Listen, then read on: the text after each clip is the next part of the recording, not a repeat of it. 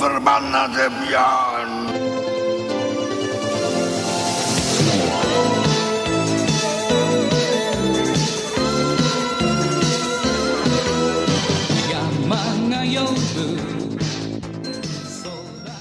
Okej, kära lyssnare, i det här avsnittet kommer vi att snacka om klassikern och kultserien Silver Fang, någonting som jag och Kent har vuxit upp med sedan barnsben och som vi nyligen har introducerat Kalle till, så håll i hatten och eh, sätt er ner med hunden bredvid er. Nu kommer ni att njuta för fulla muggar. Ladda björnbössan för nu kör vi. Akakabuto är en livsfarlig björn. Hans centrala nervsystem är skadat. Gå ut för att döda! Upp! Attack! Kulturellt fenomen, Granström, take it away. Ja, alltså det är väl det, det man kan kalla det minst av allt. Alltså vi pratar ju som sagt om Silver Fang, kultanimen från 80-talet om en hög med björnhundar som jagar björnar i Beroende på var, vilket baksida och vilket omslag man kollar så är det antingen Japan eller Alaska. Eh, det är ju som sagt en anime så att eh, vi håller väl oss till Japan men vi kanske kan börja redan där Kent, för att vi, vi har ju som gått igenom det här och sett att baksidan på fodralen och innehållsbeskrivningen, den stämmer inte så där väldigt väl med vad som faktiskt finns i filmerna och serien. Nej, den stämmer förvånansvärt fruktansvärt uselt och det gäller även de nyaste utgåvorna. Men man kan väl säga att Silverfang, det, det är ju, är det våran barndom nerkokad till fyra VHS-kassetter eller? Alltså, det kan man i stort sett säga. Alltså, det, det här är ju någonting, det, det här såg man, alltså vi pratade ju nu, jag nämnde det som en anime. Jag, det här var ju långt innan man ens visste vad det var. Det, det är som, alltså när man såg det här, alltså, det, det jag visste var att det var en skithäftig tecknad serie om hundar som dödade björnar. Och det var liksom, Alltså det, det här var ju långt innan jag kommer ihåg att jag köpte de här VHS. Jag kommer ihåg att jag hade så här piratkopior på, som jag hade kopierat från, vad heter det? Hyrbutiken. Ja, från hyrbutiken. För att jag, alltså det, ja men det, Farsan plockar fram dubbla videos. ja men, ja men alltså det, det, Orkar Ides inte liksom hyra skiten en gång till extra liksom?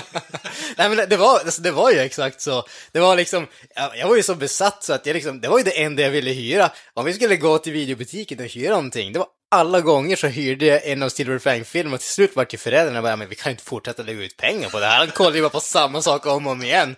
Så liksom kopierade, lite vet jag om lånade från någon granne eller någonting, en VHS-spelare och kopierade över det till ett eh, vanligt VHS-band som vi kunde sitta där och plöja dygnet runt typ, men... Man var tvungen att hitta en video av exakt samma märke och modell för att kunna kopiera det. Det är det som är det bästa med det. ja men precis, precis. Ja, vi- vi kan gå tillbaka till den här eh, beskrivningen på baksidan som vi pratade om. Alltså jag kan läsa. Det här är från de första som kom ut på DVD. Eh, oklart vilket år, men det, det, jag tror inte de här säljs längre. Rätt säker på det. Står som följande. Djupt inne i Alaskas ödemark föds en jakthund som får namnet Silver. Hans uppgift i livet blir att skydda människorna mot de vilda och farliga grizzlybjörnarna som lever där. Och det här, där har de satt på alla fyra filmer. Men för det första, Alaska, det stämmer ju inte. Nej, sist jag kollade så är inte Alaska i eh, eh, Japan för den delen faktiskt. Så det är ju på något sätt, alltså, Varför sätter man Alaska? Är det för att liksom... det är för att det är liksom, Väst, eh, ja, för att västvärlden ska kunna förstå. Det är ju precis som att de säger att eh, typ onigiri-mat i Pokémon är typ jellyfilled donuts liksom, så det är ju... Jag menar, då hade man kunnat gå hela vägen och skriva typ djupt inne i Gällivares ödemark eller något. Alaska säger inte oss som är sex barre något. Nej, jag menar alltså, det blir... Men då får man ju på något sätt se till så att det finns att eh, det är typ flera hundra olika exemplar i rotation också, så att... Nej men alltså det, det är ju det där, sen så, alltså jag håller faktiskt helt med om det där. Det hade ju varit så mycket häftigare om det här hade utspelats typ Lappland eller någonting åt det hållet. Det är inte direkt så att någon hade fattat skillnaden. Jag menar, Japanska skyltar i, i Kiruna liksom. alltså, jag, jag, ja, men alltså alla känner ju till det, det extremt nära arbetet och kulturella kopplingarna mellan Kiruna och Japan. Det, det är välkänt. Det, det är ju ett eh, eget folkslag där uppe. Där. ja, men eh, del 1, då står det så här. Silvers far var en av de allra bästa grizzlybjörnsjägarna. Alltså, Silvers farsa var ju för det första en hund. Jag tvivlar på att han var en jävla jägare. Men okej, whatever. Men en dag förlorar han en strid mot grizzlybjörnen Röda Hjälmen och ramlar ner i en ravin. Silver, som bara är en liten valp då, ser detta och Röda Hjälmen blir hans fiende för livet. Följ Silver i hans spännande och farliga liv bland vilda grizzlybjörnar i Alaskas vildmark. Kort För det fråga. första, det är ju inte ens grizzlybjörnar. Kort fråga, kort fråga. Röda hjälmen. Nu, nu kan inte jag japanska så jättemycket, men Akakabuto, eller vad fan han heter. Det, det är en Det, det är direkt översättning, okej, ja, men då, då köper jag den då. Lite löjligt kan jag tycka, men... Ja, men det, det här är del ett. I del två, då byter de ut Röda Hjälmen. Eh, då kom, står det så här. Här kommer den spännande fortsättningen på jägarhunden Silvers äventyrsfyllda liv. Silver och Daisuki utkämpar en vild strid mot den stora grizzlybjörnen Akakabuto. Men Daisuki blir alltför nervös för att skjuta med geväret. För det första, han skjuter den med en pilbåge. Pilbåge? Ja. Hur ska Silver klara detta? Ja, jösses. Del 3. Eh, Silver, Ben och hans vänner blir fångade i en fälla. Den stora Akato Boto är det helt plötsligt. Han- har gillat en fälla som ligger i en liten sjö med stora berg runt omkring. Det finns bara en väg ut ur fällan. Men den står stora och elaka Boto på vakt. Ska Silver klara detta? Nej, det här är del 4, förlåt. Men del 3, då har vi så här. Silvers far var en av de allra bästa grizzlybjörnsjägarna, men en dag förlorade en strid mot grizzlybjörnen Röda Hjälmen. Där kom han tillbaka från episoden. Och ramlade ner i en ravin. Silver, som bara en liten valp, säger att då Röda Hjälmen blir hans fiende för livet. Alltså man undrar ju, alltså de här gavs ut samtidigt om jag minns rätt. Vem fan hade... ja, men alltså, jag har lägt fyra olika personer till att skriva varsin baksida liksom, och sen har de bara häftat lite. om, om, om inget annat känns det som att någon som har sett serien på VHS way back when borde ju ha kunnat redigera om beskrivningen när de släppte den på DVD. Men jag tycker, alltså, det, det här tycker jag ändå är nästan värre.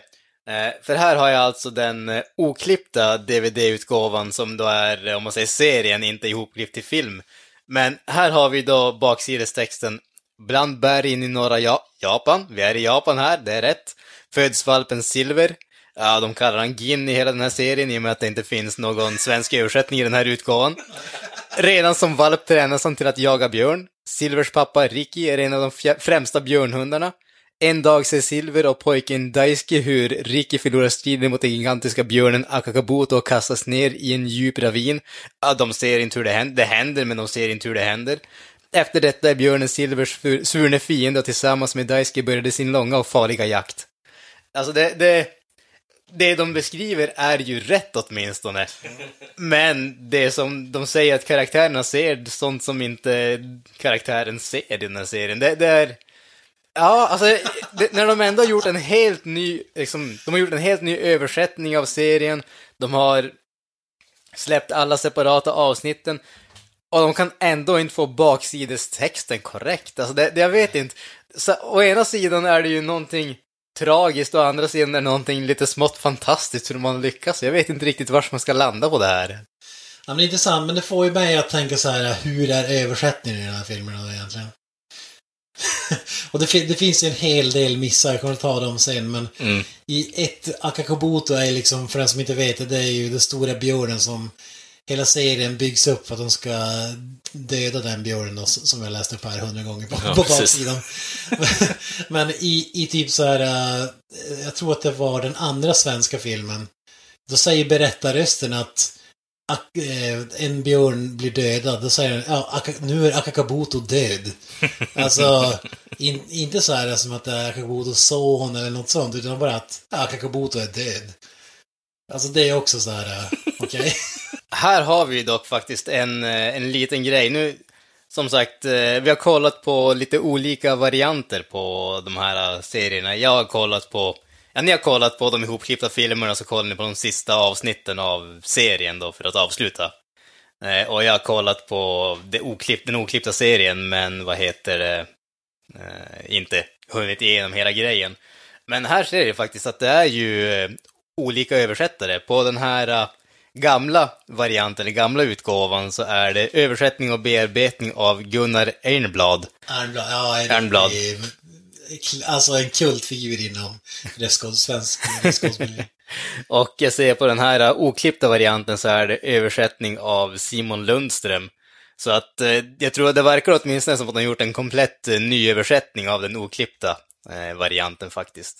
Om vi ska gå vidare lite grann då. Vi pratade om just eh, hur mig och Kent växte upp med den här serien och har älskat den sedan vi var eh, små skitungar. Kalle, du som har blivit, vi har ju pratat med, om den här serien åt dig kan man säga, men du har faktiskt inte sett den innan nu. Nej, eh, jag, alltså, jag blev ju ombedd att köpa boxen, vilket jag har gjort, men jag har inte kollat på den. Alltså det har jag haft annat som vi ska se och kolla och prata om liksom, så det, det har inte bara blivit av. Men eh, ja, jag, jag går med fan på det nu och Kent och du också för den delen har ju liksom hypat upp, ja men fan vi gör något specialt eh, avsnitt liksom när det ändå kommer upp liksom, så det, det blev ju av. Men alltså överlag så tycker jag ändå att eh, den, det är en bra serie är det. Det, det. det börjar väldigt segt alltså. Det börjar fruktansvärt segt. Och eh, ser inte jag någon form av intresse av det så ledsnar jag på det ganska ordentligt liksom. Och mycket av... eh, Vi, vi börjar ju med den svenska ver, ver, versionen för att liksom klargöra här. Och den, den har både bra och dåliga stunder i sig gällande röstskådespeleri. Och är det någonting jag riktigt stör mig på så är det dåligt röstskådespeleri. Eh, Det däremot... finns inget dåligt Jo, skådespeleri. Det jo, jo, Kent. Jo, det gör det visst det. Däremot, däremot så är det så att Peter Harrison, eh, NKPG represent, eh, faktiskt, han, eh, även om det är ostigt så skiner han igenom och gör det riktigt underhållande och värt att se på. Han gör ju dessutom varenda jävla karaktär. Ja, typ, i stort sett. Det är så jävla bra. Ja. Alltså.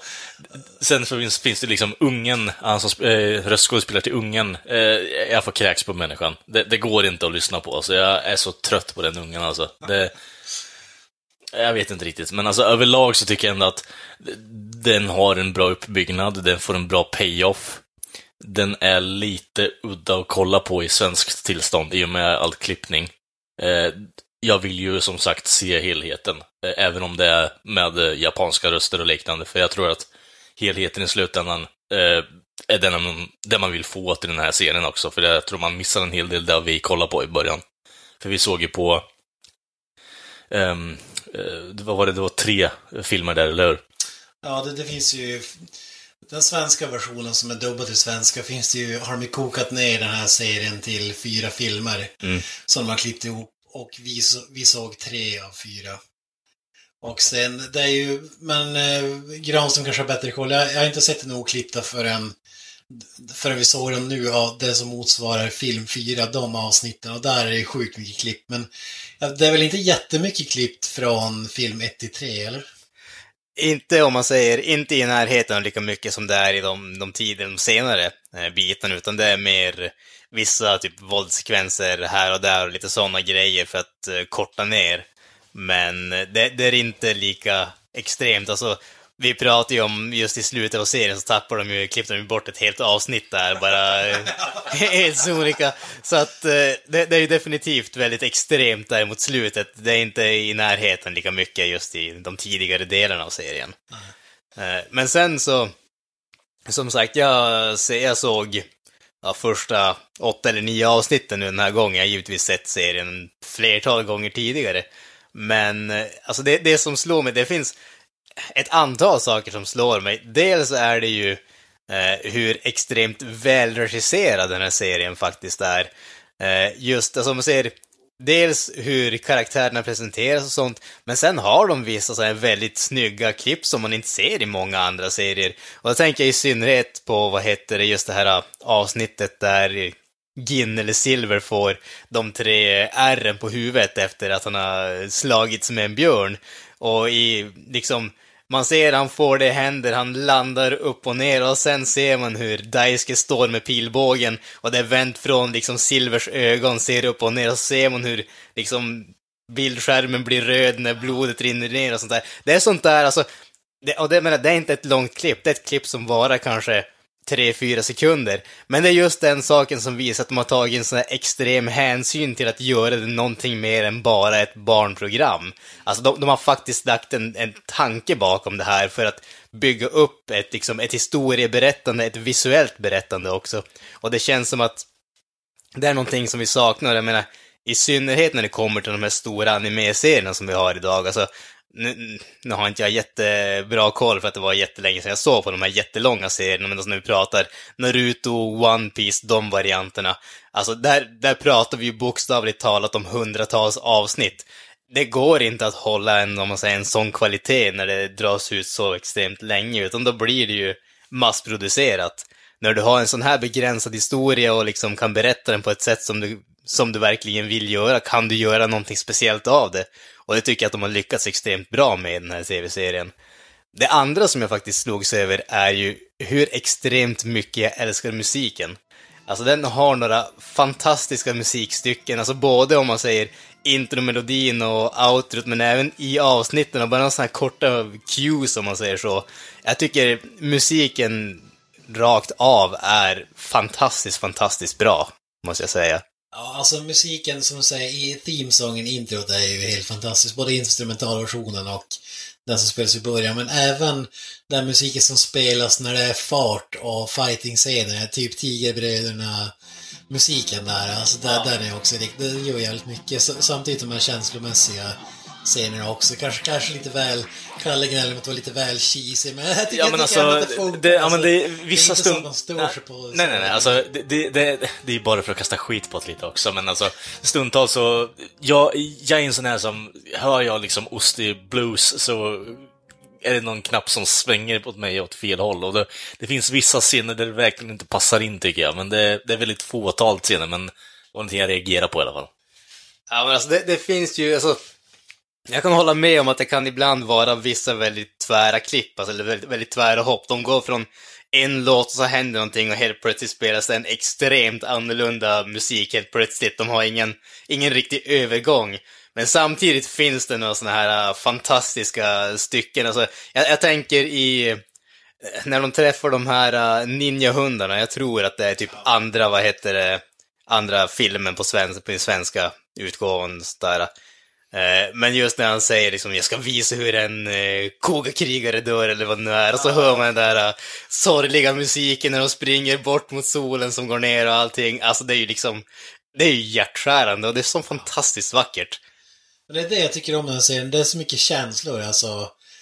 Det, det kanske inte är alltid så här det, det mest eh, solida hantverket någonsin, men det, det, är liksom som en sångare som förmedlar känslor som en eh, annan så här stiffsångare inte skulle kunna ha. Om Det, du- musiken gör sjukt mycket. på. Om du drar en Håkan Hellström-reklam, alltså koppling nu så kommer jag slå dig fan. Ja men Håkan Hellström till exempel, fantastisk lock.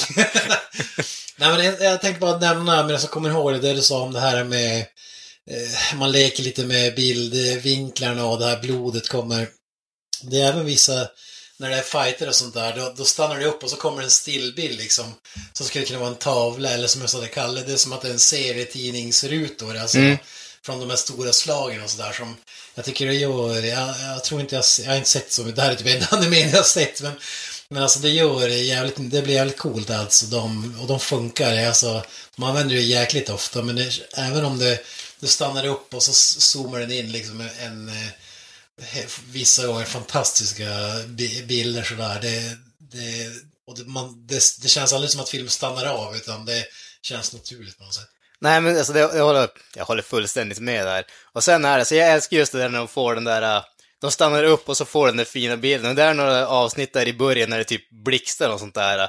Och liksom det är, de, liksom, de går genom skogen och ser någon sån där björn. Och så blixtrar det och så precis i blixten klipper det till någon sån där extra detaljerad bild av björnen. Och sen går det tillbaka till den där animationen. Och det är liksom, man tänker att en, så, en sån grej, det skulle vara väldigt, väldigt störande att få den där äh, totala frånkopplingen. Men det fungerar, alltså de har lyckats göra det på ett så extremt snyggt sätt att det liksom, det känns aldrig som att man tas ur serien på något sätt, utan det bygger bara upp allting. Ja. Jag tycker att det är helt fantastiskt än idag. Ja, det är jäkligt effektfullt måste jag säga. Men en sak som var intressant med serien med Kalle som aldrig har sett den, det var ju Eh, uh, dels liksom så satt jag ju liksom och pissade på delar som är liksom när man vill fälla en tår liksom för att... men, men, jag- men jag förstår, vi har ju mycket nostalgi och sånt där. Men en av delarna som jag tyckte var intressant var att första filmen, den svenska då, då har liksom, det är liksom en setup-film och eh, då, det handlar mest om människorna liksom och hundarna skäller ju bara. Eh, alltså, men i i film nummer två, då sa jag, sa jag till honom att att det här ska bli jävligt intressant att säga vad du tycker, för nu kommer filmen snart ta en, en helt annan vändning. det var jävligt intressant att se när, för helt plötsligt börjar hundarna prata liksom som människor, och sen är det så typ resten av serien eller filmen, säga. Nej! Silver, kom tillbaka! Du är ingen vildhund! Men Silver hör inte ett ord av vad Daisuke säger. Det är bara instinkten som får honom att springa. Vad är det som får mig att springa efter dem? Jag är ingen vildhund. Det var jävligt roligt. Vad, vad tänkte du då, Kalle? När du... Alltså, jag, jag skrek ju rakt ut bara, för det första jag hör är ju hon, eh, vad fan heter hon? Ja, Cross ja. Och jag bara, och den, ja, där, där vi är igen på det dåligt röstskådespeleri, alltså det, svenska är inte bra alltså. Den, Det var lite så här, va? ja, va, va, va i helvete? Nej, nej! Varför gör ni liksom? Alltså, wow, jag vet inte riktigt, det var den initiala reaktionen, men det, det, det vann över mig i slutändan, men där och då, då var jag inte nöjd. Alltså det är där filmen börjar för mig. Det här första filmen Människan, det är egentligen bara bullshit. Alltså, det är väl mer så här setup. Alltså det finns, det, det är coolt när eh, Gohei Takida, fa- farfar är med. Men i, i, i övrigt, övriga människor som är med så är det inte särskilt häftigt. Det är först när hundarna blir karaktärer som det blir häftigt med. Alltså jag tycker ju om den där, alltså, vi har ju etablerat det med vår, med vår recension av eh, Venom, att jag tycker om de där uppbyggande bitarna, jag tycker om det även i den här serien. Sen kan jag absolut hålla med om att det pågår lite väl, eh, lite väl länge, eh, för det upptar ju fasiken nästan, ja fan, åtminstone en tredjedel av serien. Nej, kanske inte så extremt, men, men samtidigt så är det ju också, Eh, och jag tror det här går tillbaka lite grann till just det här som, eh, som du pratade om, att eh, allting känns inte riktigt förtjänt när det kommer till de emotionella bitarna. Och det är lite grann det man får där med människorna också. Att jag tror att de som gjorde serien förväntade sig att man skulle känna med dem på kanske ett sätt som man inte riktigt gör. Men alltså den här, vad ska man säga, lite mer asiatiska traditionen av drama är ju ofta lite, lite överspelad och faller in i det här äh, melodrama-varianten. Och ju, melodrama är ju krasst sett, om man säger, när man man förväntar sig känslor som kanske inte riktigt har förtjänats. Alltså det, det är ju egentligen det som är grejen. Och jag tror att till viss del har det något att göra med vilken typ av drama vi är vana att presenteras vid. Det här är ju väldigt hyper. Även, alltså...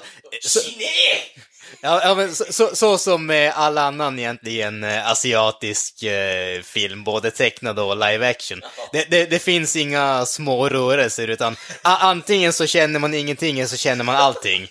Glädjeskutten och eh, hela den här Exakt. Men på något sätt så tror jag att det kan gå liksom lite miste gällande den här med eh, de eh, svenska nedklippta variationerna egentligen. Vi har säkert missat jättemycket gällande de första filmerna egentligen också. Alltså gällande kontext och liknande, för det är ju så här, det är 90 minuter nedklippt. Sen så vet jag inte riktigt, för fram till film 3 där så är det ju i stort sett 12 avsnitt. Så det, det går- måste ju ändå gå miste om någonting känner jag i slutändan. Ja, som sagt, det är fjärde filmen som, som är mest klippt. Jag har inte sett så jag kan inte uttala mig. Gran som har bättre koll på det. Mm. Men eh, jag ska jag ska bara säga att man älskar ju dock människobiten man älskar det är ju folk som har blivit utsatta för björnattacker och sånt där som kommer och så vet man att det kommer signerat Peter Harrison som Ja. spelar alla de här jävla karaktärerna.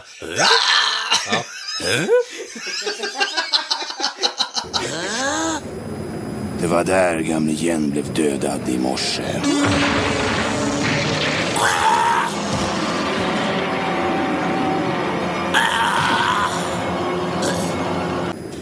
Vi börjar prata om björnen nu så skrämmer vi ju bort skidåkarna och alla byborna blir utan arbete igen. Eh?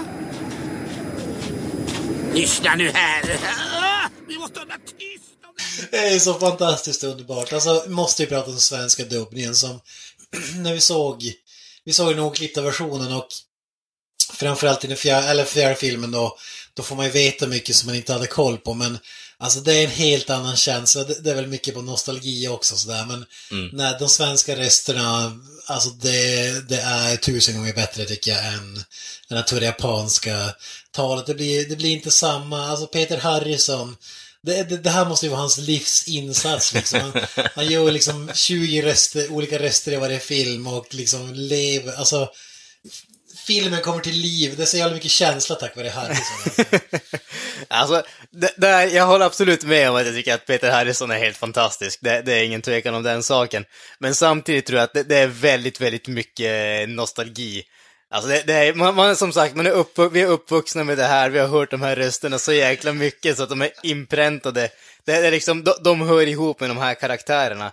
Det, det är som, eh, eh, jag, jag tycker om det, liksom den, den japanska eh, varianten. Jag skulle säga att jag föredrar den egentligen på det stora hela ändå. Men det, det är lite grann som första gången man såg Disneys Djungelboken på engelska och saknade dialekten som de där jävla gamarna har. Liksom det, det, det, är ju, det, det funkar inte riktigt längre. Man har, man har sett den filmen så många gånger och man blivit in, inpräntad med liksom ju, just uh, den dialekten som de har. Att liksom halva skämtet försvinner ju när de inte har det. Honom. Ja, men det är samma...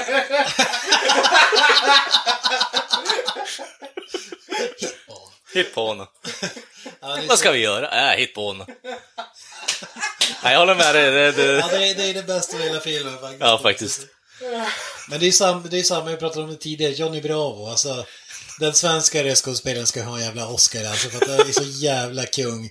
Och när man ser den engelska, alltså, jag, jag, klarar, jag kan inte säga det alltså, för att det är inte kul. Alltså. Men det är ju en... Det är Alltså, bara resten som gör det. ja, absolut. Nej, jag håller helt och hållet med. Alltså, det... L- lite samma som här, alltså det blir som när vi pratar om Sällskapsresan och sådär, man, man kan alla repliker utan till man säger dem in, just innan folk säger dem. Det är, det är samma för mig här i Silver Fang, alltså jag vill säga så här förbannade björn och eh, ja, men alla de här Harry, magiska Harrison-linesen och när det japanska, det kommer, det blir inte den där nostalgikicken som man får när man hör men- Harrisons ljuva stämma. Liksom. Nej, jag, jag är med på det egentligen också, men alltså, jag tror ändå att, eh, alltså, jag får ut mer nöje av att se på den svenska bara för att jag tycker att det är jävligt ostigt. Sen så blir jag mer indragen också när jag på något sätt hör att Peter Harrison ger järnet liksom och faktiskt i, försöker, ärligt talat alltså. Han spelar typ 17 olika karaktärer i de tre första filmerna. Det är helt schizofrenibelagt egentligen, men alltså det, det, det är jävligt underhållande att kolla på i slutändan, så jag är definitivt för att ha en alltså, svensk version på det här. Men eh, det är väldigt sällan som en dubb fungerar enligt mig, men jag tycker att det fungerar i de avsnitten som jag har sett hittills i alla fall. När, när vi är inne så, så att de som inte har sett filmerna kanske eller kommer ihåg. Eh, om man ska bara i en jämförelse, jag har enligt Wikipedia så har jag räknat ihop hur många de japanska originalrösterna.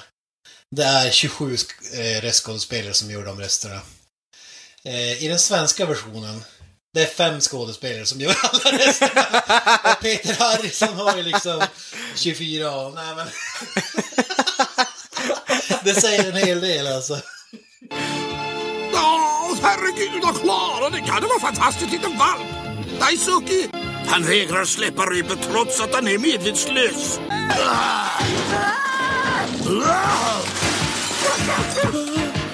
Stå inte bara där, gör någonting då. Han är ju skadad. Gå och ring efter en läkare. Ring efter doktor Forter. Ja, det var en jättebjörn. En björn? En stor svart björn. En björn? Akakabuto. Det, det är så man försäkrar sig om kvalitet, man låter samma person göra allting. If it ain't broke, don't fix it. Alltså. Men Precis. Kan vi prata lite ljus, eller? Ja, det kan jag väl. Nej, men där, där påminner jag om SNL-sketchen. I gotta have more cowbell! liksom, I gotta Phyllis, have more Phyllis, Harrison. I got a, I got a fever and the only prescription is more cowbell. Jag ser framför mig att de har haft så här 20 röstskådespelare från början och så bara han är inte Peter Harrison. Peter, du kör den här också. Får jag mer betalt då? Ah, whatever, do your thing liksom. Får man royalties på det här? Ah, alltså du kan väl få en, en saltlakrits eller någonting åt det hållet. Alltså om vi säger att det är royalties för oss röstskådespelare, att man får betalt för antal credits man har. Alltså Peter Harrison, han, han har ju ofantliga summor pengar som han har tjänat på de här filmerna i sådana fall. Alltså Jesus Christ. Ja, Alltså jag hör att han är eh, en av de rikaste människorna i världen faktiskt. Rikare än Norup. Ja, alltså jag, jag, jag, jag, har- på säker källa att Warren Buffett eh, får sina aktietips från Harrison. Han toppar Forbes. Ja, fy fan. Ja, men när vi är inne på röstskådespelaren och klippningen och det här.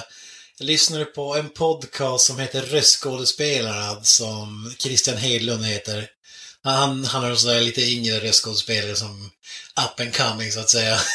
Om jag fått det rätt. Och har snackat med all, alla de här legendar, eh, legendariska röstskådespelarna i Sverige. Jag, kan rekommendera det. Det är ganska kul faktiskt att höra historien. Och jag kommer inte ihåg, han har intervjuat två, tre stycken som var involverade i den här. Två Gunnar Ernblad bland annat. Den, en av de mest ikon- Inte Harrison tyvärr. Och snubben som äger produktionsbolaget som dubbar. Typ har dubbat alla de här filmerna, du vet, Mask, Silverfang. Ja men köpt in hela den biten till Sverige, tagit dem och, dubbat dem. Och de berättar, för de berättar ju alltså, tyvärr är det bara lite kort om Silverfang, men bland annat så berättar ju de att Gunnar Ernblad typ att varför den fjärde filmen var så jävla klippt för att Alltså det, det är ju stora plot twists och grejer som klipps bort av så här helt sjuka. Så när man såg filmen när man var liten, man, man fick som inte ihop det. Alltså vad fan ligger den här jäveln död nu helt plötsligt? Alltså ena scenen har liksom jublat och ja men Alltså mycket sånt där och typ, jaha nu saknar den här karaktären ett öga liksom. Ja. Alltså, det, det var så här märkliga saker. Men då berättade de att eh, röstskådespelaren tyckte att den här var så blodig och grym och, och den är ju för att vara, om man tänker att de eh, kanske har gjort så här Janne Långben-dubbningar ungefär innan man kommer till det Silverfang där det är blod och sprutar in eller liksom från hundar och som biter ihjäl varandra och kött och kannibalism och hela grejen. Men då förstår jag ju... Och, och då blir det så här mer och mer, den fjärde är den absolut blodiska, blodigaste med Slutscenen är ju liksom, Ja. vad är det, fem avsnitt av serien liksom. Ja. Bara slagsmål och och då sa de så här bara, ja vad fan är det, vi kan inte ställa upp på det här. Det här är liksom, det är oetiskt mycket våld och, blod och vad Så det var typ så här, de, de strejkade om det inte, alltså de ville inte ens göra, dubba den fjärde filmen. Och då blev kompromissen, bara, ja men vi klipper bort typ de allra blodigaste delarna. Så det är därför som det fattas så stora delar av filmen, för att röstskådespelarna inte tyckte att det var liksom moraliskt försvar, etiskt försvarbart att ha med vissa delar liksom. Jesus fucking Christ alltså. Jeebus. Jeebus fucking Christ alltså. Alltså tänk om de inte hade varit så jävla skitnödiga och vi hade fått hela filmen i, med svensk dubbling. Alltså tänk vad... Ja, alltså, alltså, det är det- fantastiskt nu som det är med klippningen. Tänk hur det har varit med allting med. Alltså det var ju, ja herregud. Det, det är knappt som man vågar drömma om det för det hade varit så jäkla häftigt. Men alltså jag, jag hade, bara när jag kollade igenom den nu, så var det en, sak som jag började reagera på som jag inte ens kom ihåg, men det var just det här att den börjar ju extremt hård den här, eh, vad heter det, den här serien. Alltså re, redan i typ öppningsscenen när uh, Gohei Takeda, vad heter det, farfar, eh, hamnar, eh, får typ, blir hugger, hugger av sig själv benet och matar hunden, matar sin hund med det liksom. Du måste bli stark och springa till byn för att rädda oss båda ungefär. Bara liksom, holy shit, den liksom sparar ju inte på krutet någonting. Det är liksom, det är där den öppnar. Det, det säger någonting ändå om vilken typ av serie det är. Ricky, det har gått en hel vecka nu. Om ingen hittar oss kommer vi att dö av hunger och köld. Du har fått ett djupt sår i ryggen, lilla Ricky. Mitt ben är så skadat att jag inte ens kan stå på det. Ricky. Förbannat, vi kommer att dö om vi stannar här. Jag måste leva tills jag får tag i Akakabuto. Ricky, vi måste överleva. Ah, ah, ah. I den svenska klippningen får man aldrig se att han matar ben till hunden, men är ändå underförstått så, så jag tycker nästan att den svenska är lite snyggare. För då tycker jag ändå att man fattar det. Även om, alltså är man sex barre så fattar man inte det, men när man ser den idag så... Men det är som du säger, det är ju en, det är ju en tuff start alltså. Man ser så här föräldrar som hyrde, det var ju förmodligen så för ens föräldrar liksom tänkte att, ja men det är typ en, hundfilm liksom. Ja. Vad är det värsta som kan hända? Typ så här Djurgården, den serien, om du kommer ihåg den. Så här, Ja. Boko och, Ja, jag tänker säga decapitated animals liksom. och så en gammal gubbe som blir avsliten i örat av en grizzlybjörn och hugger av sitt ben och matar det till en. De, de tänker typ att det är eh, Di- Disneys eh, Varghunden med Ethan Hawke och sen är det typ Rude Awakening. ja, definitivt. Ja, den är ju extremt blodig och det är ju ett stort plus. Det är ju samma, det finns ju en scen där som du pratar om, de springer mot solnedgången och hundar blir spettade på en påle i marken i en sån här äh, typ Arnold från Predator-fälla. Och den får man inte se, man får bara höra ljudet i den svenska. Men nu när vi såg den oklippt och då får man ju se tre hundar Ja. som är spettade på Ja. liksom träspjut. Det var en, här- det var, blev ju en flashback i slutändan, så vi såg ju liksom svenska filmerna och den ser man ju liksom bara, bara faller ner i någon grop med lite gräs och liknande, så bara har gnit liksom bara, okej, de dog på spätta eller någonting liknande, tänkte jag bara. Och så ser man när man kollar på serien bara, då blir det en flashback till det bara, varför i helvete visar ni det här för?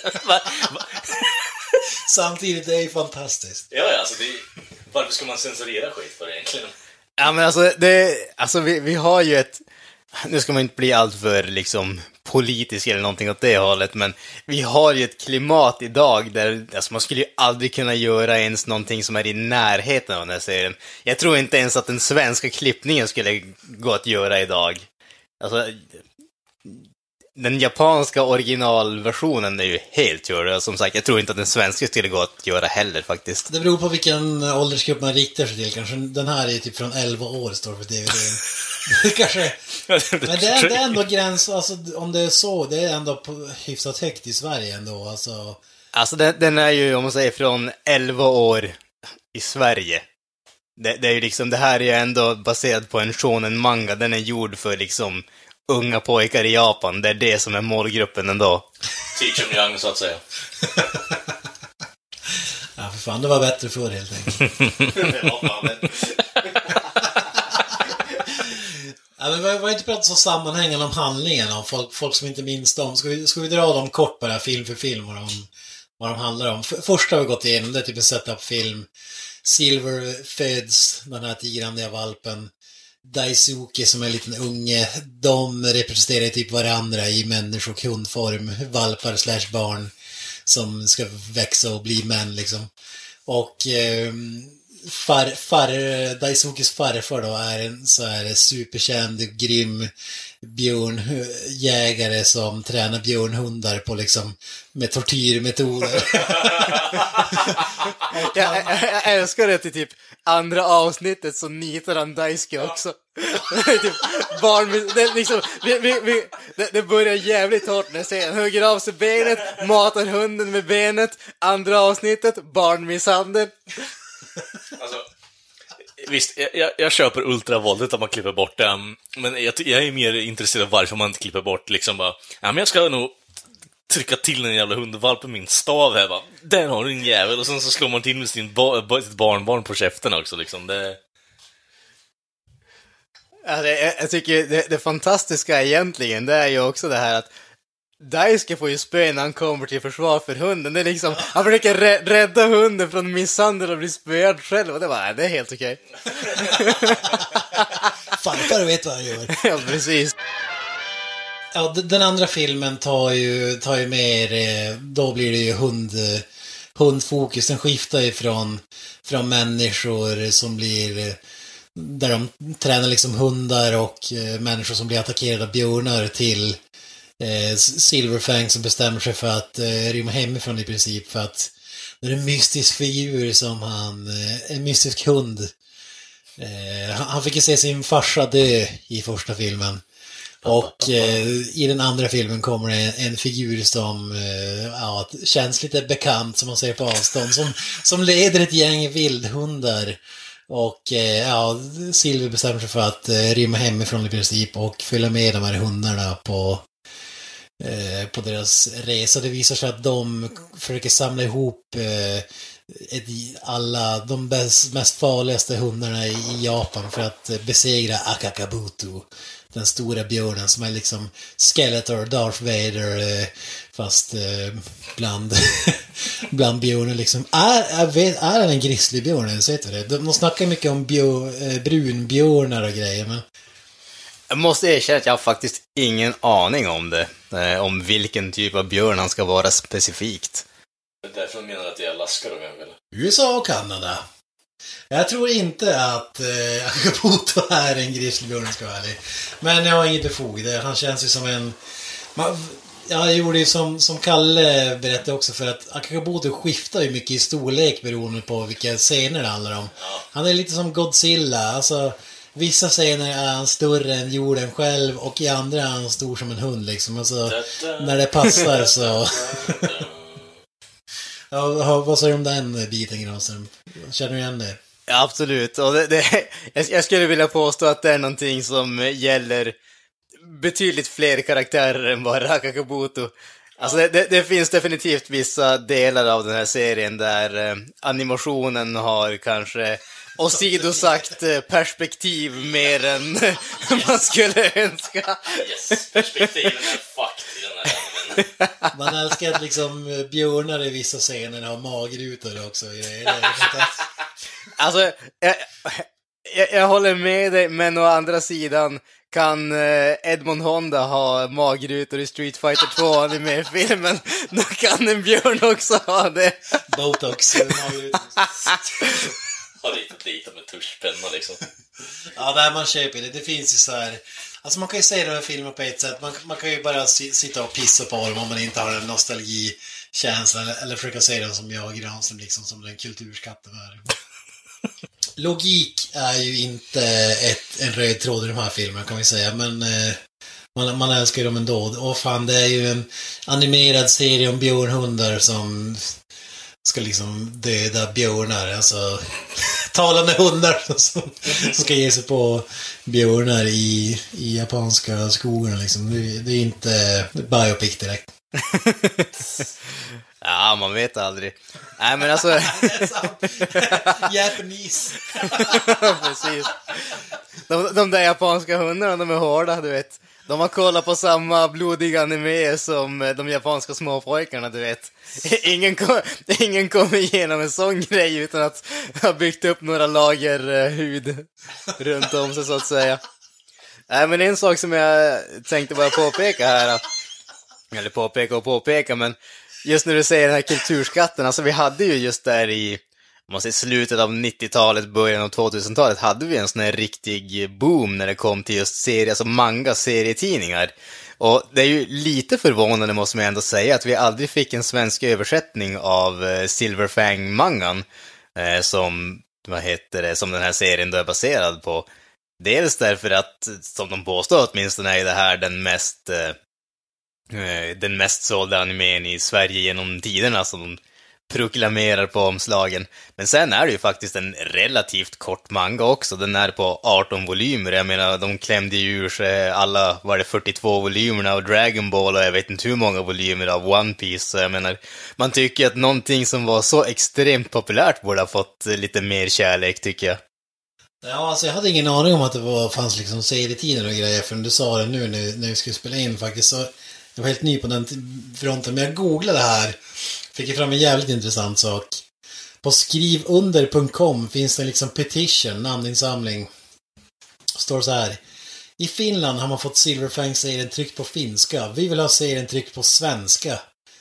I Sverige ska man efter Hopanoli, eller vad man uttalar det. Så- Som Silverfang heter på finska, börja trycka Weed-serien också på finska. Vi vill ha mer på svenska. Alla Jinga-fans, skriv under. I nuläget har den här insamlingen 17 underskrifter. ja, det tror jag vi får se en svensk... Eh, svensk bo... Eh, vad heter det? Översättning. Ja, alltså, drömma kan man ju alltid åtminstone. Jag misstänker att hoppet är nog, eh, hoppet är nog förgäves, men det skulle nog vara en större dröm än att få den oklippta serien med Peter Harrison i alla rollerna. Jag ser det bland underskrifterna. En, en person från Piteå och en från Norrköping. Fy fan. Fy fasiken! Peter Harrison. Det är åtminstone två personer till som har vett i huvudet. Bara more workman liksom. Det... Alltså, kan man inte ringa Peter Harrison, be er att comeback och spela in den oklippta, dubba den också. Han kan göra alla rösterna, vad fan, vilka bra han är. Ja, vad fasken, han är ju ändå Sveriges bästa skåde- skådespelare, vad är det klart för oss? Varför inte? Jag menar, fan, han är ju inte med på Så ska det låta längre, så han kan ju inte göra speciellt mycket, antar jag. Nej, fan, det är bara att sitta hemma och snacka i mick liksom. ja, men precis. Som vi gör. Absolut. Fan, vi borde göra en egen dubbning av den. Film nummer tre, Granström. Här har vi två ikoniska... Eh, vad ska man kalla det? Ska man säga hundraser eller? Karaktär, två olika typer av karaktärer som introduceras. Hundklaner kan man väl kalla det. Ja, en är en brödratrio i alla fall. Tigerbröderna. Jajamän, det, det är ju mina favoriter måste jag säga. Co coolaste karaktärerna. De, de fäller vildsvin som Ja. Zlatan sparkar en boll liksom. Ja, men precis. Och det är ju bästa, vad heter det, bästa introduktionen genom någonsin också. När de jagar vildsvinen där. Alltså, fy fasken.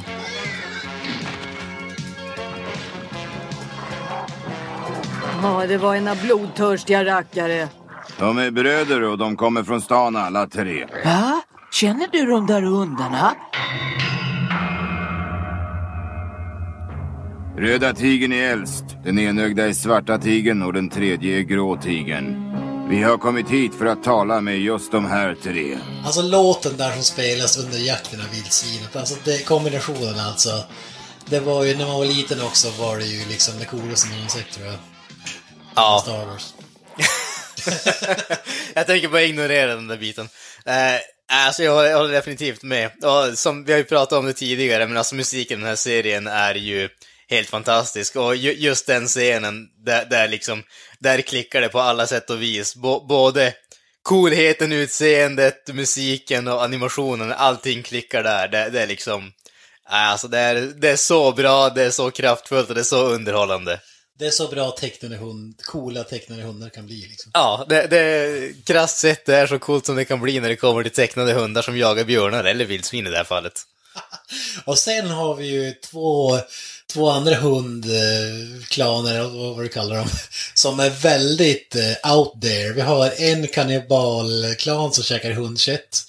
Och vi har en grupp med ninjahundar. Och, och här, ninjahunddelen, där är ju all logik kastad genom fönstret. Alltså de har byggt ett liksom kinesiskt tempel med lönndörrar och spjut och hela baletten liksom. Alltså det, det jag, jag misstänker väl att det kanske inte är ämnat så att det, det, det är hundarna som har byggt det här templet, men, eh, men, men visst, alltså själva logiken att den åker ur fönstret där, det, det kan jag visst hålla med om. De men, pratar om att rädda de heliga skrifterna också. Alltså hundar har liksom skrifter. Alltså, men det är ju verkligen så här.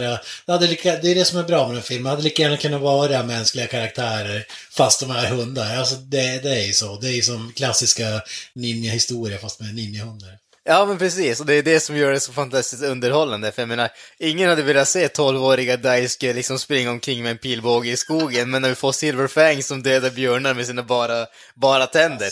Det, ja, men precis. Det, det, är, det är ju sjukt häftigt.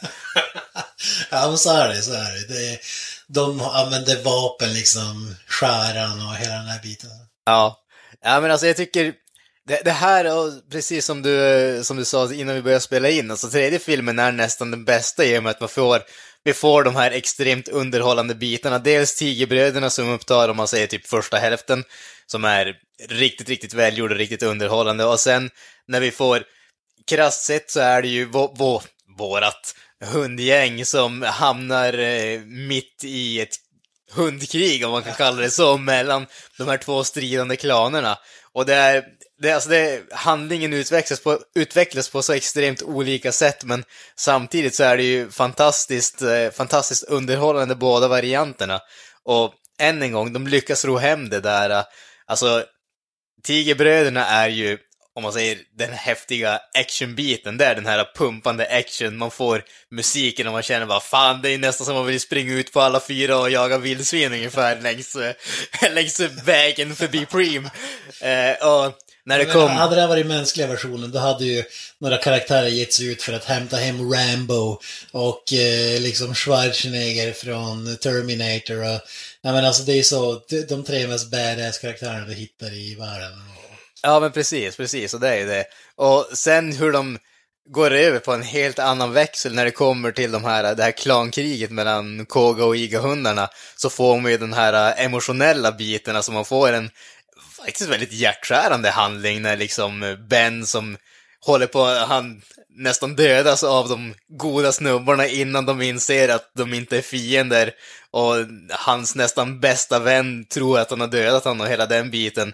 Är ju, de lyckas ju göra det till väldigt känslomässigt och ändå ro hem det tycker jag. Jag tycker det är fantastiskt välgjort. Ja, ja, jag håller med. Jag har inte så mycket mer att tillföra än att jag, skriver under på det du säger. Det, det är, jag tror att det är min favoritdel, alltså just för att du säger Tigerbröderna och i alla fall när man var mindre och nostalgin osar ju.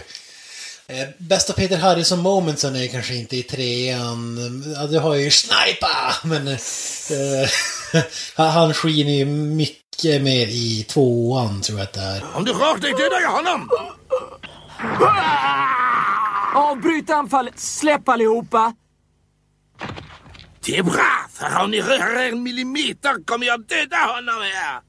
Ja, alltså jag tycker ju att eh, när han, hans röst som Moss är ju gr grymt bra tycker jag. Och där, där passar han ju karaktären på ett eh, helt otroligt bra sätt som den där grova, liksom vad är det, en bulldog eller vad, vad han nu är. Ben och hans grupp rekryterar stridshundar som ska hjälpa dem att döda en björn som heter Akakabuto. Håll tyst nu! Rekrytera stridshundar. Du är ju ledare Ben och du ska ut och slåss mot en björn. Då föreslår jag att du visar vad det går för om du vill ha vår hjälp. Hörru du, en stor ledare ska vara stark och jag gillar inte sådana som bara snackar. Upp till bevis och slåss! Det känns ju nästan som att han- de som har gjort animationen har liksom tecknat efter, alltså anpassat rollen för Harrison. Så ser hunden ut liksom. Ja, men precis, precis. Jag älskar det här, alltså när han liksom, när han pratar som att det är Peter Harrison, men han, lyfter det gigantiska stenblocket med huvudet och bara kastar iväg det. det alltså det, det är ju höjden av badass. Det är ju något som skulle kunna hända på Så ska det låta till exempel. Ja, men precis. Precis. Jag menar, hur många gånger har inte Harrison begravts under sten i Så ska det låta? Och hur många gånger har han, han inte skrikit Precis, precis. Och hur många gånger har han inte skrämt skiten ur Robert Wells? det är sant, det är sant. Jag vill ju på något sätt veta vilken låt som eventuellt har koppling till att han har blivit begravd under stenar då i så fall liksom. Ja, du. My papa was a rolling stone. Precis. bra, bra, bra tag där. Stenhugga rock. Yes. Eh, nej men, eh, film nummer fyra då, det, det är ju i princip eh, fort eh, conclusionen av eh, IGA-hundhistorien och eh, The Final Battle med Akakabuto. Ja, precis. De har dragit ihop alla hundarna, hela hund, eh, hundsidan är komplett. Vi har hundar från hela Japan som samlas på, eh, vid bergen för att eh, inleda den här sista striden med Akakabuto och hans eh, björngäng, eller vad man ska kalla det. Det är så underbart bisarrt när man kokar ner det. Ja, det är fantastiskt. Och ändå är det så otroligt bra och välgjort. Det, det, det är ju det som är det sjuka. Alltså det, det, det här är... Nu, nu ska man ju inte döma någonting på förhand, men det här är ju liksom Rami Malek som Freddie Mercury, men det här funkar. ja, exakt. Det är som att Sacha Baron Cohen hade spelat Freddie Mercury. Det, det är han. Ja, men precis, precis. Rated R-versionen. Ja, men om man kan säga så här att i, i sådana här filmer finns det att när du bygger upp liksom the final battle, alltså att det blir liksom antiklimax.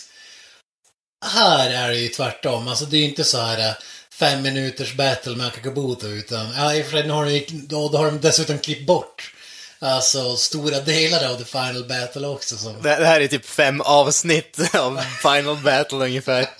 Ja, alltså jag tror, jag, tror, jag tror att det var fem avsnitt om vi räknar rätt. The final battle. Alltså det är ju gånger 24 minuter. Ren strid alltså. Det, det, det är ju det, det, är ju det man, man vill ha också. Det var ju på något sätt där som jag liksom bara, oh shit, det fan får ju pay-off på allting som har hänt egentligen. Så det, det var ju då jag klickade lite med serien i slutet, med fight-scenen, när det faktiskt hände bizarre fucking shit egentligen. Alltså, vi ser ju hundar som gör, vad ska man kalla det egentligen, alltså somersaults i luften och får blått sken runt omkring så liksom, det är ju fucking goofy anime shit liksom, så det... Ja, det var första gången som Kalle la undan sin laptop under Silverfang-maratonet. Alltså, nu fan, nu börjar det bli intressant. Sluta, sluta rensa mejlen. Ja, exakt. Svenska filmer var bara förbandet och den oklippta var liksom huvudbandet. ja, men precis. Ja, det, det är ju verkligen en epic conclusion. Jag vet inte, ska vi... Vi behöver inte spoila storyn om det är någon som har sett det. Men ska vi kanske ta vad som är mindre bra då med den här? Vi har ju hyllat den. Vad, vad, vad skulle du säga är svagheterna i den här serien? Oj då. Alltså, nu, nu sitter jag ju verkligen här med nostalgiglasögonen på. Det är alltså, som vi har sagt tidigare, det är så extremt svårt att ge någon sorts objektiv åsikt om det. Eh, Jag men håller med, men om vi måste plocka bort dem och säga något som inte är... om man måste fråga, alltså, det, och det här känns ju egentligen som ett väldigt stort... Eh, det, det är svårt att, eh, med tanke på vad det handlar om, när det liksom hundar som jagar björnar. Men just den här, eh, till vissa delar, eh, totala övergivandet av all logik. Och med det, med det menar jag inte nödvändigtvis just det här att vi har hundar som pratar, men det finns definitivt vissa bitar av handlingen där saker de händer bara för att någonting ska tas från A till B och det, liksom, det funkar inte logiskt sett så att säga. Det finns definitivt vissa sådana saker där man tycker att okej, det här, det här det, det, det håller inte riktigt, även om helheten helheten överväger de svagare bitarna. Sen tycker jag, som jag sa tidigare, alltså Eh, just när det kommer till de mänskliga bitarna, jag tycker att inledningen där, jag tycker om inledningen, men de drar ut lite väl länge på det. Speciellt i och med att det är ändå hundarna, det, det är det som är huvuddelen här. Visst, givetvis, vi vill ha bakgrunden som Silver har och John och hela den biten, men det, de, jag, jag tror att de, förän, de förväntar sig att man ska känna med människorna som är med i serien mer än vad man egentligen gör man, man vill se hundarna för det är de som är de häftiga bitarna, det är de som är de mest underhållande. Det blir också märkligt där för att man, man ska investera så mycket i människor, men människorna försvinner i princip från... Alltså det är egentligen del ett som människorna är med på, på allvar. Viss, viss del i tvåan också, men... eh, alltså... Jag tycker man la lite för mycket krut på, på människorna faktiskt. Ja, det kan jag hålla med om. Eller, jag håller med om det. Men sen så tror jag att till viss del så kanske det har att göra med, med vad, vilken typ av serie det är också. Jag tror att hade man introducerat det här, hade liksom första avsnittet bara varit okej, random eh, hundar i Japans eh, berg som, som jagar eh, björnar. Då tror jag att det hade varit väldigt svårt att acceptera det. När man får den, man får den här mänskliga inledningen för att man ska kunna knyta an med karaktärerna från ett mänskligt perspektiv. Jag kan ändå köpa det på något sätt. Lite mer grundat. Ja, precis. Det, det, är, alltså det, det, det, är just det här som vi pratar om med eh, diverse andra filmer. Än en gång Venom som vi tar det, som det tydliga exemplet bara för att jag såg den nyligt. Men det är ju så att du måste ha de där bitarna med Eddie Brock och kunna relatera till honom som en karaktär. Det går inte att ha fem minuter Eddie Brock i början av filmen och sen bara ha den där eh, symbiotdräkten som tar hand om resten av filmen, för då har du ingen koppling till karaktärerna. Och jag tror att det är egentligen samma sak här. Man måste ha de där mänskliga karaktärerna för att kunna bygga relationen till hundarna som hundar. Sen som sagt, de drar ut på det lite väl länge, men man måste ha, ändå ha den bakgrunden för att knyta ihop det hela, tror jag. Ja, så här, nu har jag inte sett den eh, oklippta då, förutom sista delen här, men det kanske hade tjänat på att ha mer människor för att liksom bryta av lite grann. Men, så snarare än så. Alltså, jag håller, det, det blir nästan som att lyssna på sin favoritlåt hela dagarna skulle man bara bli less. Man behöver någonting annat också. Bara det dra ut på det lite grann också. Att Mm. inte bara äta kakan. Ja, men precis. Jag tror en sak som de kunde ha gjort, det, det hade ju varit att, eh, om man säger mellan någon gång här och där klippa till vad människorna gör. Alltså det betyder inte att det behöver vara liksom 50-50 människor och hundar. Men istället för att vara liksom 95% människor och så bara silver i början av serien till att vara 100% hundar sen, hade de kunnat ha liksom 85% hundar och sen någon gång här och där så klipper man till, vad heter det, klipper man till människorna för att se hur handskas de med Akakabuto när inte hundarna är där. Det hade ju kunnat vara ett intressant knep. Och sen för att knyta ihop det till den här första biten, för nu är det ju väldigt mycket du har människorna och sen har du bara hundarna och det blir... Serien känns väldigt tudelad om man säger så. Det hade ju varit ett sätt att knyta ihop det på helheten till ett lite, få en lite mer röd tråd genom hela. Ja, det är så jag tänker också. Det känns nästan, och när man dessutom ser det med filmer känns det nästan som stand-alone-filmer nästan. Alltså, det är som någonting helt annat, som, som där jag berättade när Kalle liksom i, i en bit in i, i den andra filmen liksom så blir det liksom hundshow från eh, standard eh, anime-drama-actions, eh, kallar det. Men en annan sak som jag stod mig lite på, det är ju det här, hela filmen går ut på att de ska åka runt i Japan och rekrytera nya hundar för att joina den här striden. Och det blir lite väl mycket så här, typ som Transformers var och liksom de mötte He-Man och de mötte Megatron och Skeletor i varje avsnitt men slutar med att man sköt 20 laserstrålar, alla missade och så flög de iväg. Alltså det blir lite, för äh, varje gång så ska de liksom bevisa för om vi säger att vi åker till, vi ska hämta Benny Sakura, ska hitta den starkaste hunden i, i Japan, vad fan den är. Då slutar det alltid med att eh, enda sättet att få dem att joina är att slåss mot dem. Men det känns som att de, och de, de hittar ju så olika delar som gör att ja men okej, okay, jag joinar er, typ, eh, du visade mod, du visade du tog, var, var redo att ta livet av dig, då joinade jag dig, vilket är en helt sjuk anledning. Men det är mycket som mm. en hund som liksom ställer sig framför ett tåg till exempel, vilket är den mest bisarra delen av den här. Och, och ska ta livet av sig för att bevisa liksom att han är en riktig hanne. Det känns jävligt japanskt på något sätt. Harakiri-stuket där. Det är mycket självmordstema alltså. Ja. Och, och han räddas i sista stund av den snubben. Ja men jag joinar dig, du var redo att dö liksom. Mm. Ta mm. respekt för det. Men alltså det blir lite så här, blixten slår ner, man får aldrig riktigt, alltså jag fattar att man kan inte liksom, man kan inte göra bort the final battle i första filmen eller man kan inte döda en massa karaktärer. Alltså som att det ska hända någonting sånt. Men det känns som att alltid de biter varandra i halsen, brottas lite grann.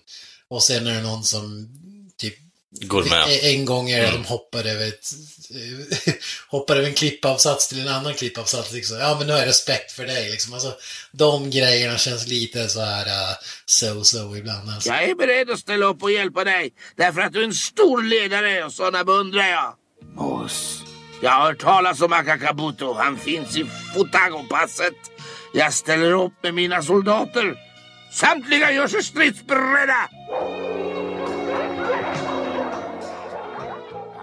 Ja, men just den här självmordsbiten, alltså, den är genomgående tema. Alltså. Alltså, Ärofyllda alltså, döden. Ja, ja, ja, men alltså, givetvis håller jag, jag håller absolut med där, men samtidigt så, det, det känns ju som en, det känns som en sån där kulturell grej som vi inte riktigt har i Sverige. Alltså det, de, de har ju en annan syn på, på det där, alltså just när det kommer till hierarkin och allting sånt och ansvar och så. Ja, det är ingen på Försvarsmakten som jobbar som kamikaze-pilot. precis, precis.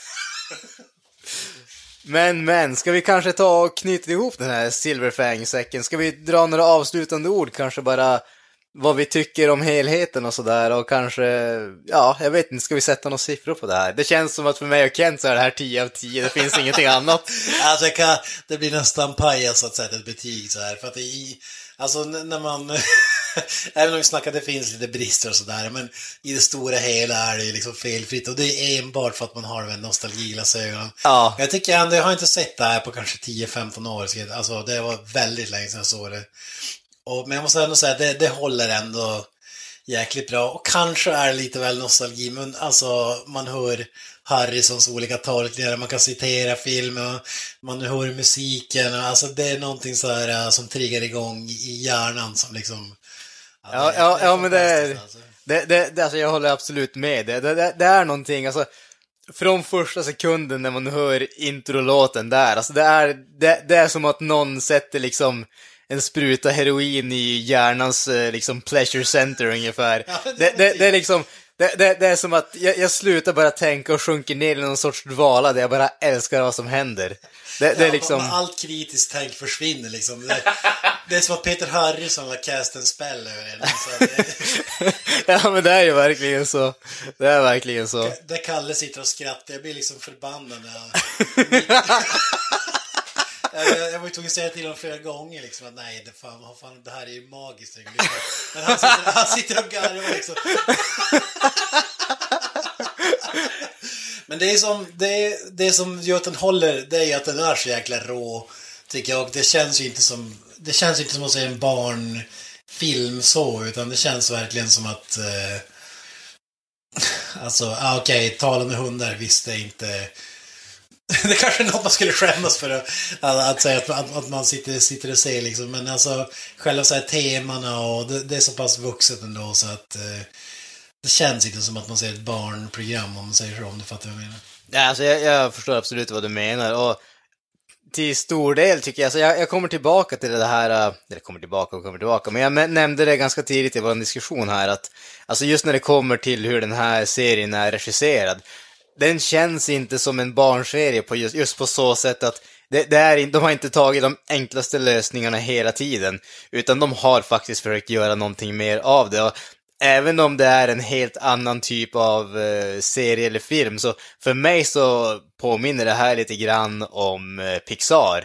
Just i det här sättet att Pixars filmer är familjefilmer, inte därför att de är riktade för barn, utan därför att barn får ut någonting av dem, vuxna har nöje därför att de får ut någonting annat av dem. Och jag känner att den här serien fungerar väldigt mycket på just det sättet. Är du en yngre person, då kommer du att liksom tycka om vissa delar. Är du en äldre person, då kommer du att tycka om andra delar. Och är du en sån som oss, då kommer du att tycka om alla delar, för vi har de där jäkla nostalgiglasögonen på oss. Alltså det, är- det är flaskbottnar på nostalgiglasögon. de, de, definitivt, definitivt. Det, det, det har gått åt åtminstone ett dussin colaflaskor till att göra de här glasögonen alltså. Ja, Minst ett dussin. det är som en stjärnkikare så långt sticker den. Jesus Christ alltså. Alltså, det, alltså det- jag vet, kan man, kan, man, kan man sätta ett betyg på det? Men du Kalle som är lite mera... Du har ju inte ens... Du är ju tvärtom. Du har ju inte ens sett... Du har ju inte ingen nostalgi alls. Nej, alltså... Vissa aspekter med den här animen tycker jag ändå är, som ni säger, alltså de knyter upp säcken jävligt bra på alla grejer som de tar upp. Däremot så känner jag att det tappas jävligt mycket genom att man har sett både det, alltså inledningsvis den svenska och sen den japanska. Så jag vill ju på något sätt gå tillbaka och se hela alltet på japanska så att jag får någon form av kontext på ursprungsprodukten om ni förstår hur jag tänker. Själv är jag liksom tvärtom. Jag vill gå tillbaka och se den svenska versionen av fyran. För Ja. Alltså, ja, ja, det, det, det är massor bättre på svenska för min del. Ja, ja, alltså, men återigen, det är, ju- det är ju det med, eh, som ni säger, nostalgitrippen deluxe, alltså blir det ju för er del, för ni har ju som sagt vuxit upp med det här, men eh, jag hade inte haft emot om, det hade, om jag hade haft eh, hela svenska perspektivet liksom med alla dåliga klippningar och liknande. Och sen, men jag vill ändå ha liksom originalprodukten oklippt och sen får jag på något sätt komma tillbaka till det här och ge någon vettigare åsikt kring det, för som det ser ut just nu så känner jag att jag kan inte ge ett vettigt betyg. kan jag inte göra. Ja, men ärligt talat alltså, för jag sitter ju och... Jag är, jag är underhållen, men det är av andra anledningar än vad ni är, Ja, alltså, eh, gällande den svenska. Lutar du åt- lutar du åt 10 av 10 eller lutar du åt 9,5 av 10? alltså, det, det, är, det, det är inte på... Nej, det är inte åt det hållet överhuvudtaget, är det inte för min del.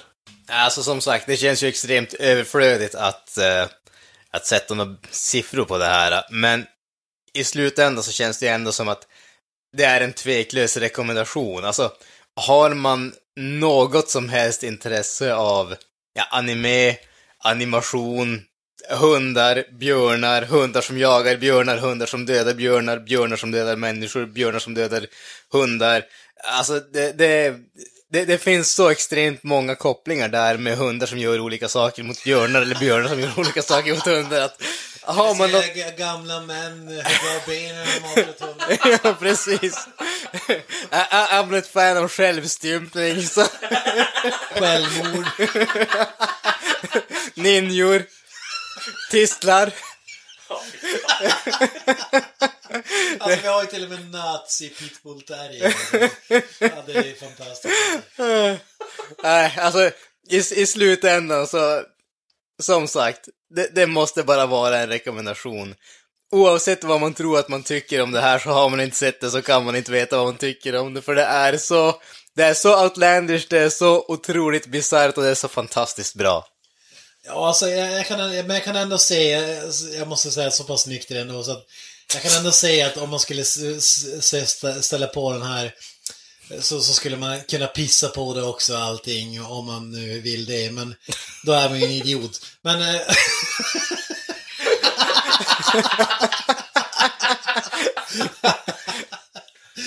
Nej, Eller vad säger ni?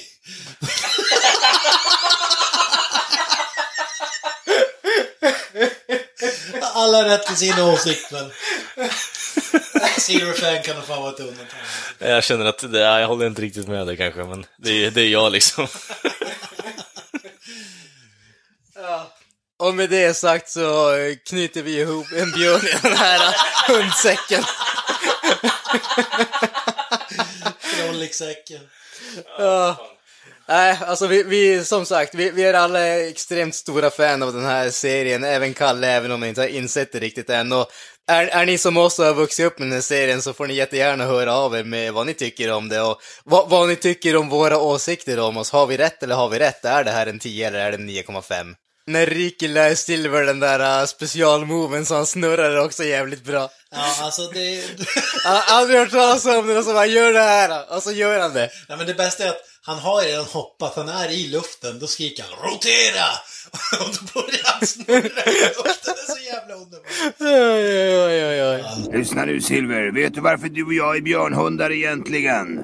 Därför att du och jag har ett dödande slag som funnits med oss ända sedan födseln. Dödande slag? Just det ja, och jag ska visa dig vad jag menar min son. Förlåt? Vad kallade du mig för? Björnens bästa vapen är klorna på frambenen min son och för att oskadliggöra honom måste vi attackera hans vitala delar runt bakbenen. Ja, pappa. Ledaren kan inte tillåta att ännu fler hundar dödas av björnen. Därför beslutar han sig för att använda det sista trick han kan för att döda Akakabuto. Skynda er hörni, annars kommer han att döda oss! Och nu min son ska du studera noga hur jag gör, för nu ska jag utdela det berömda dödslaget. Jag lovar, pappa.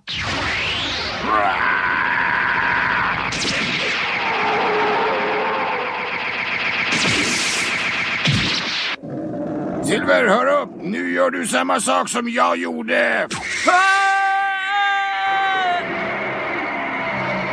Rotera!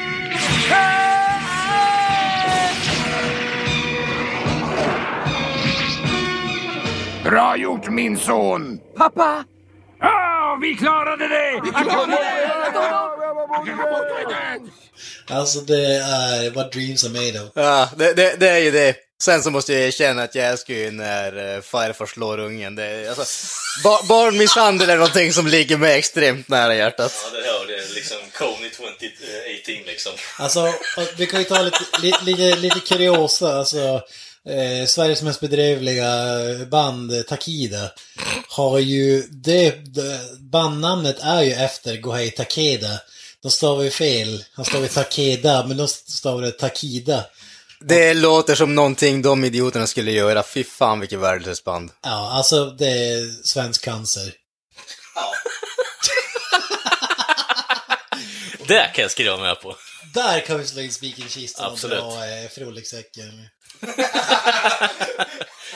Med rått björnkött. Exakt. Nej, men eh, De som... förtjänar en skål rått björnkött. Ja, avslutningsvis då. Eh, Justice åt eh, hyena som dör en eh, honorable självmordsdöd och ingen kommer ihåg honom i slutändan också. Sämsta karaktären. ja, och eh, underbaraste dödsscenen någonsin för den... jag, tror aldrig jag skrattat så mycket i mitt liv. Hur som helst, gott folk, vi drar björnen i säcken, så att säga. Eh, ni har ju då lyssnat på ännu ett avsnitt och eh, ni hittar oss på sociala medier som Facebook, Twitter, Instagram och YouTube. Finns ju även på Spotify för er on the go och vi har ju då vår egen hemsida som heter creativemeltdownpod.wordpress.com. Lite fräna recensioner och annat käckt material läggs upp där. Eh, ja, boys, hade vi några avslutande ord här innan vi stränger ihop butiken? Hej Gibus. Förbannade björn! Och up the irons. Adjö. Hör upp nu allihopa! Från och med nu när Akakabuto är död tillhör den här vildmarken Silver och de andra vildhundarna. Det är Silver som har samlat ihop alla de här vildhundarna och det är deras förtjänst att vi lyckats döda Akakabuto. Men vi kunde ju inte göra något åt Akakabuto. Vi försökte inte tillräckligt, därför kunde vi inte. Silver och alla hans vänner har någonting som vi förlorade för länge sedan. De har modet, förstår ni. De vågar riskera sina liv för rättvisans skull. Nu går vi hem. That's it, man. Game over, man.